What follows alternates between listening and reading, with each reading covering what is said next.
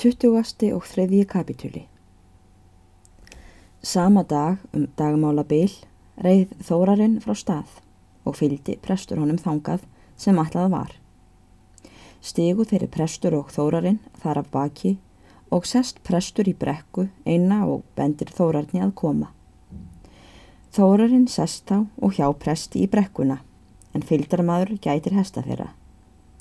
Prestur tekur þá úr vasa sínum brennivinsflösku og sylfurbyggar einn gildan. Skengir prestur fyrst á og drekkur þórarni til og réttir að honum og segir Nú er þá komið að því þórarinn máur að við skiljumst að sinni og óska ég þér fljótrar og góðrar farar heim til þín. En það er eitt sem mér þykir vantalað við þig og vil ég því minnast á það áður en við skiljumst. Þú veist máur að mér hefur fremur verið and um þig hingað til og ekki öllu síður en þó þú hefur verið sonur minn. Var það þó skilt vegna másamda okkar. Þú komst til mín á ungdómsaldri, þú varst á 11. árinu þegar fadir þinn heitin dó, svo það má kalla að þú sért uppalinn í mínum húsum og að því ég sá að þú varst meira negður til bókarinnar en búskaparins þá braust ég í að koma þér til læringar, sem vonlegt var. Kostaði mig það nokkra fyrirhafn og drúa skildinga, en ég tel það ekki eftir, það komað góðu, hm, hm. Þú ert heiðarlegur, Dimusus, og að svo miklu leiti mætti virðast sem mitt ætlunarverk sé úti. En ég hef þó einhver tíma hugsað nokkuð lengara fram í vegin um hægið þína og ég hef eftir vill látið þig ráða í það að svo litla umunun sem ég hef haft fyrir velfardan þinni væri ekki á enda ef þú vildir hafa mín ráð og tilstyrk eins og hingaði til. Og því dettur mér nú í hug, bróður góður, að spyrja þig. Hvað hugsar þú nú fyrir þér framvegis? Ég hef nú lítið hugsað fyrir því ennþá, sagði Þórarinn en þó veit ég ekki betur en ég verði næsta ár þar sem ég er, hvað sem lengra verður. Að vísu hefur síslumadur talað að því við mig og ég ber ekki að mótu því að ég hafi lofað því að fara ekki burtu frá honum. Ég er vel ánagður fyrir þína hönd, Þórarinn Máur, að þú sért þar næsta ár, sagði prestur, og vona ég að mín ráð hafi ekki orðið þar til óhagraðis þegar ég reði þig þangað. En á meðan maður er ungur og uppvaksandi og á ef til vill langt líf fyrir hendi, verður maður að hugsa lengur fyrir sér en eitt ár. Þú ert nú á fjörða árinu um tvítjugt. Þá fara bændasinnirnir sem eitthvað hugsa að líta í kringum sig eftir konu og bújörð. Prestaefnin, hvernig þeir geti komist fljótt til ennbættis og svo framvegis og þar að mun reka fyrir þér. Það eru fáur sem þetta kemur allt svo að kalla sjálfkrafa upp í hendurnar á, jörðin, konan og ennbættið. Og síst er þess að vænta að þeim bætist það fyrirhafnar löst sem fá að eiga að eins og þú, máur. Því ekki tel ég að þú eigir aðra aðstóðarmennina en okkur sýstur þína eða hafi rátt. En hvað um það er Ég fer nú að gjörast gamall og letjast við prestsverkin og búsumsvefin. Ekki er það fyrir það. Nóir eru til og þökkuðu mér ef ég vildi taka þá inn í brauðið. En hver veit nema þú verðir þó hlutskarpastur? Eða hverju myndir þú svara ef ég byði þér að verða kapellán hjá mér með þólanlegum kostum? Hmm, hmm. Ég myndi, sagði Þórarinn, svara því að mér þætti vandi vel bóðinu að neyta, en hverjir myndu þá kostirnir verða? Viðuna neyir, segði prestur, ekki erum annað að tala. Sjálfsagt þriðjungur af öllum föstum tekjum, hálft ekstra verk og staðurinn hálfur, fyrst til ábúðar og líklegast allur bráðum með ofanálægi sem okkur um semur og þá ef til vill þess ekki langt að býða að ég segði af mér ef ég sæi við henduleika að þú gætir fengið bröðið. Fyrir menn hafa nú oft haft það svo þegar menn hafa viljað að einhver fengi bröðið eftir sig, að segja af sér þegar þeir sæju að því er þeir laglega við komið að hann fengi það, eða maður hefur átt kunningja sem heldur hefur getað stutt að því. Kallar þau þetta ekki bærilega kosti máur?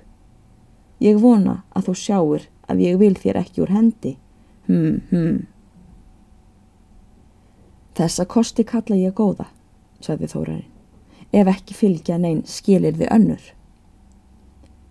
Sjálfsagt er skilir við að vera mér hlýðin og eftirlátur, eða kallar þú það ókosti þó? Hmm, hmm. Þó ég leti konuna fyrir þig fylgja með, hmm, hmm, sagði prestur. Ekki myndi það mega teljast með ókostum, sagði Þórarinn. Ef þér hefðu þá fram að bjóða sem ég gæti fælt mig við að eiga. Ekki skal ég ráða þér til annars kvonfangsmágur, en þess sem ég álít þér vel sæmandi, sagði prestur, og er því ekki að leina að svo framarlega sem þú vilt mínum ráðum fylgja, þá hef ég alltaf þér Guðrúnu frændkonu. Það er telja hverju manni henduga konu sem eitthvað hugsar til að geta bjargast. Áreðanlegt konuefni, vön búsíslu, roskin og ráðin og efnin okkur. Föðurarfur hennar er hjá mér og honum svara ég út. Er það þá skilir þið, sagði Þórarinn, fyrir kapelánstæminu, að ég eigi hana? Að vísu, sagði prestur, það er skilmáli en ég ætla að hann sé því aðeins settur að ég sé að þér er það sjálfum best. Ekki þarf þetta mál þá lengur að ræða, sagði Þórarinn og stóð upp all skindilega. Það er eður skjótt af að segja að aldrei á ég guðrúnu og vinn það eigi til nokkur slutar að gjöra svo á móti skapi mínu og meira að segja þó þér ættuð ráð á otta eða grenjaðar stað og öllum hlutum góðum með og gæfuð mér það, þá á ég hana aldrei. Og er það vel að ég segi yfir það nú einu sunni í alvöru, en ekki er svo sem ég viti ekki að þetta hefur áður verið viljið yðar að binda mig þar við borð, þó þér hafið aldrei talað það fyrr svo berlega. Mikið tekur þú af, þórarinn minn, sagði sér að sigvaldi og glotti við. Sestu niður aftur mágur og tölum þetta betur. Það er svo heitt í þér blóðið stundum en þú gætir þín ekki. En þegar þú stillist og af er mesta hitan, þá ertu þó svo higgin að þú sérð hvað er ráð og hvað óráð. En óráð tel ég það að hafna sæmilegum bóðum þeirra sem vilja þér vel. Þau bóðiru banvæn, saði Þórarinn, og ég geng aldrei að þeim Það er ekki til neins að tala um það við mig oftar. Mundir þú þá heldur taka bóðum mínum, sagði prestur og glotti við. Ef ég byði þér Sigrúnu Þorstensdóttur fyrir hjákonu og það með að við görðum upp reikninga okkar í góðu tómi. Þórarinn var maður skapur áður og reytist skjótt. En við þau orð er prestur sagði, setti hann dreirröðan og segir síðan Ekki þurfi þér mágur minn að minna mig á Sigrúnu. Allt er það meinalöst að minni hendi og þar sem þér talið um reyningu okkar þá er ég þess all fús að þeir séu gjörðir sem glöggvastir. En vita skulu þér það að ég með nokkra vittnesku af hafa hvort þér hafið með öllu gefið mér uppeldi mitt og engum sæti ég afar kostum fyrir þær sakir. Til þess mun þá hægt verða þórarinn minn að gjöra þá svo glöggva sem á, ef ekki skipast á aðra leið eins um þá og kvonfangsfyrir ætlanirnar, sagði prestur og glotti enn við. Ekki ræði ég nú meira um þetta, sagði þórarinn, og hvar er viðskipti okkar hér eftir sem málavegstir eru til, og verið þér nú sæll máur. Gekk þó hvor þeirra máa til hest síns og skildust í styttingi. Rýður sér að Sigvaldi heim til staðar og sest í búsitt og sér engin maður annað en að hann væri hinn kátasti. Þórarinn rýður leiðarsinnar og tekst honum vel og greiðlega.